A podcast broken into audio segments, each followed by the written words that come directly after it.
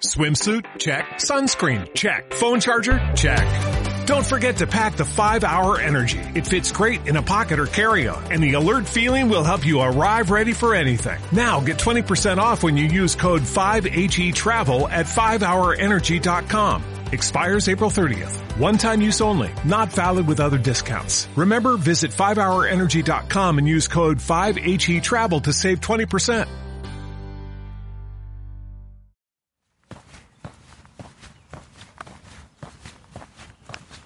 sábado 11 de xullo de 2020 Como case que todos os luns Aquí estou con Bosco de novo Nun kilómetros de balde Xa sabedes, eu son Juan Ortiz Jordel en Twitter Tamén, se queredes, podedes contactar comigo No Twitter deste kilómetros de balde Que como comparte, conta co kilómetros gratis Que se grava en castelán Podedelo atopar buscando dos dous xeitos, por kilómetros de balde ou por kilómetros gratis, aínda que o arroba específico é arroba kilómetros gratis, que era máis curto.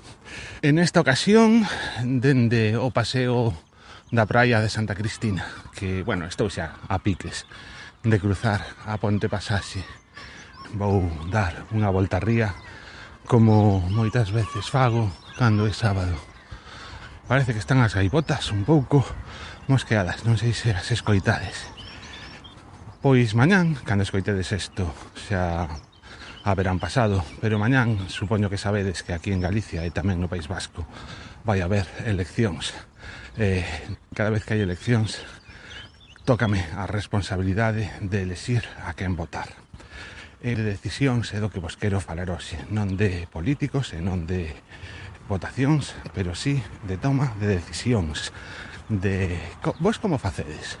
Cada vez que tedes que decidir algo, o facedes a sentimento, ou ben mirades a cousa dunha forma máis obxectiva, máis científica, máis ver os pros, ver os contras, e a partir de aí tomar a decisión que en principio sempre vai ser correcta. Como decía Pedro Sánchez no, no seu podcast, non? Bala extra. Hai, non sei, non sei se foi no último episodio ou no penúltimo. Cando ti fas unha decisión, as decisións sempre son correctas. Cando menos ao principio. Despois xa veremos, pero decidas o que decidas, vai estar ben decidido. Pero como tomas esa decisión? Eu recoñezo que aínda que me gustaría poder presumir de que son moi racionales, de que teño en conta moitos factores e a partir de aí pois efectivamente tomo unha decisión, decido exactamente que o máis apropiado, o máis xeitoso, que máis me convén. Non o fago así. si as veces, si as veces. Pero penso que as máis das ocasións son un pouco a sentimento, ou cando menos empezo dun xeito, empezo tentando ser racional, e finalizo en plan, veño, esto. Tamén creo que moitas veces por acabar pronto.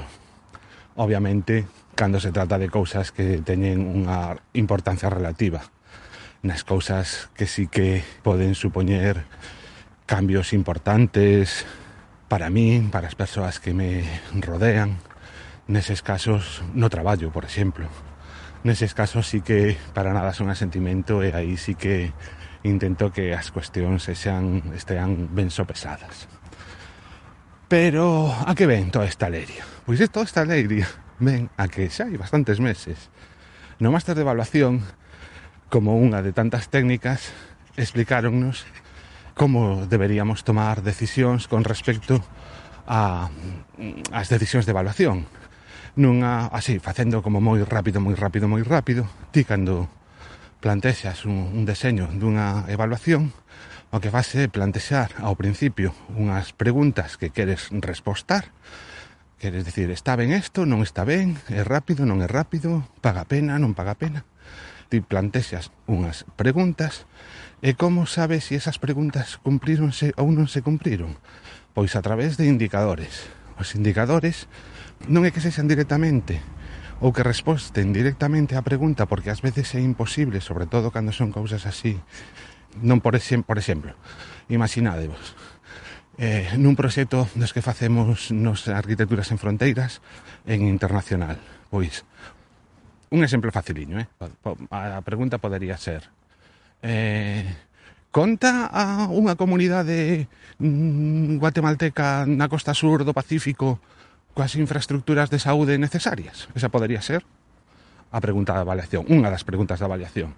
E o indicador podería ser se conta cun centro de saúde, por exemplo, non? Unha vez que tes o indicador, tamén tes que facer unha especie de tes que poñer unha especie de criterio que indique se si ese indicador cumpriuse ou non se cumpriu. Neste caso, por exemplo, este criterio podería ser Si a comunidade conta cun centro de saúde, entón sí. Se a comunidade non conta co centro de saúde, entón non. En realidade, na jerga evaluativa a este criterio chamaselle estándar, que a min non é unha verba que me goste demasiado porque estándar implica cousas que non son exactamente eso mm, se non estás metido no tema das avaliacións, obviamente. En este caso, o estándar sería moi sinxelo pero ás veces ese estándar pode ser unha porcentaxe decir, se o mm, 80% de non sei que cúmprese, entonces o indicador está cumprido. E se está por debaixo do 80%, pois non está cumprido. E unha das dificultades é fixar ese estándar nas clases. De xeito así que ademais arquitectónicamente a mí pareceume estupendísimo. Facían a metáfora de que este estándar era como a liña das cubertas. Se vos pensades nunha casa, nas casas que debuxan os cativos. Casas a dúas augas, o tellado a dúas augas.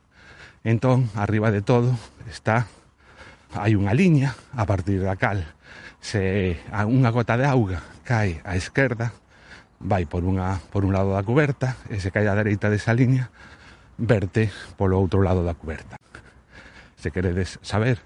Esa liña chamase limatesa. Limatesa porque separa as augas. Se as liñas que nunha cuberta recollen as augas chamanse limasollas. E podo vos asegurar que non é nada sinxelo eso de fixar este, este tipo de estándar. Fixar eh, ese criterio, plasmar ese criterio, telo ben claro na cabeza para decir, Si se dan estas condicións, entón sí, e se non se dan estas condicións, daquela non.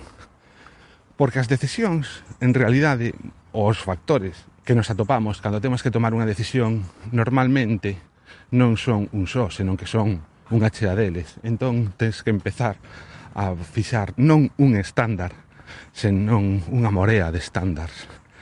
Eh, repito, se as cousas non son serias, non implican cambios que realmente van a afectar as nosas vidas ou a miña vida. Cando falo de min dun xeito importante é moito máis doado. Tamén é moito máis preguiceiro facelo a sentimento. E como din no anuncio malo será. Un episodio cortiño, penso, non sei se isto, a verdade é que non sei o tempo que levo, deixa de que, bueno, 10 minutos que a ver en canto deixo e nada que aínda non decidín o que vou votar mañán farei no asentimento porque negome a leerme todos os programas de todos os partidos. Botei unha ollada ao que di a coordinadora galega de ONGDs con respecto ao que pensan cada un dos partidos que se presentan no eido da cooperación, pero que non deixa de ser un eido máis de todos os que nos afectan na vida.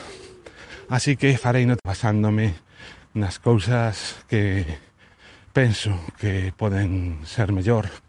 Non son para mí, senón para todas as persoas e sobre todo pensando nas, un pouco nas ideoloxías, porque podo, podo asegurarvos que non existe ningún partido político co que me una simplemente algún tipo de simpatía.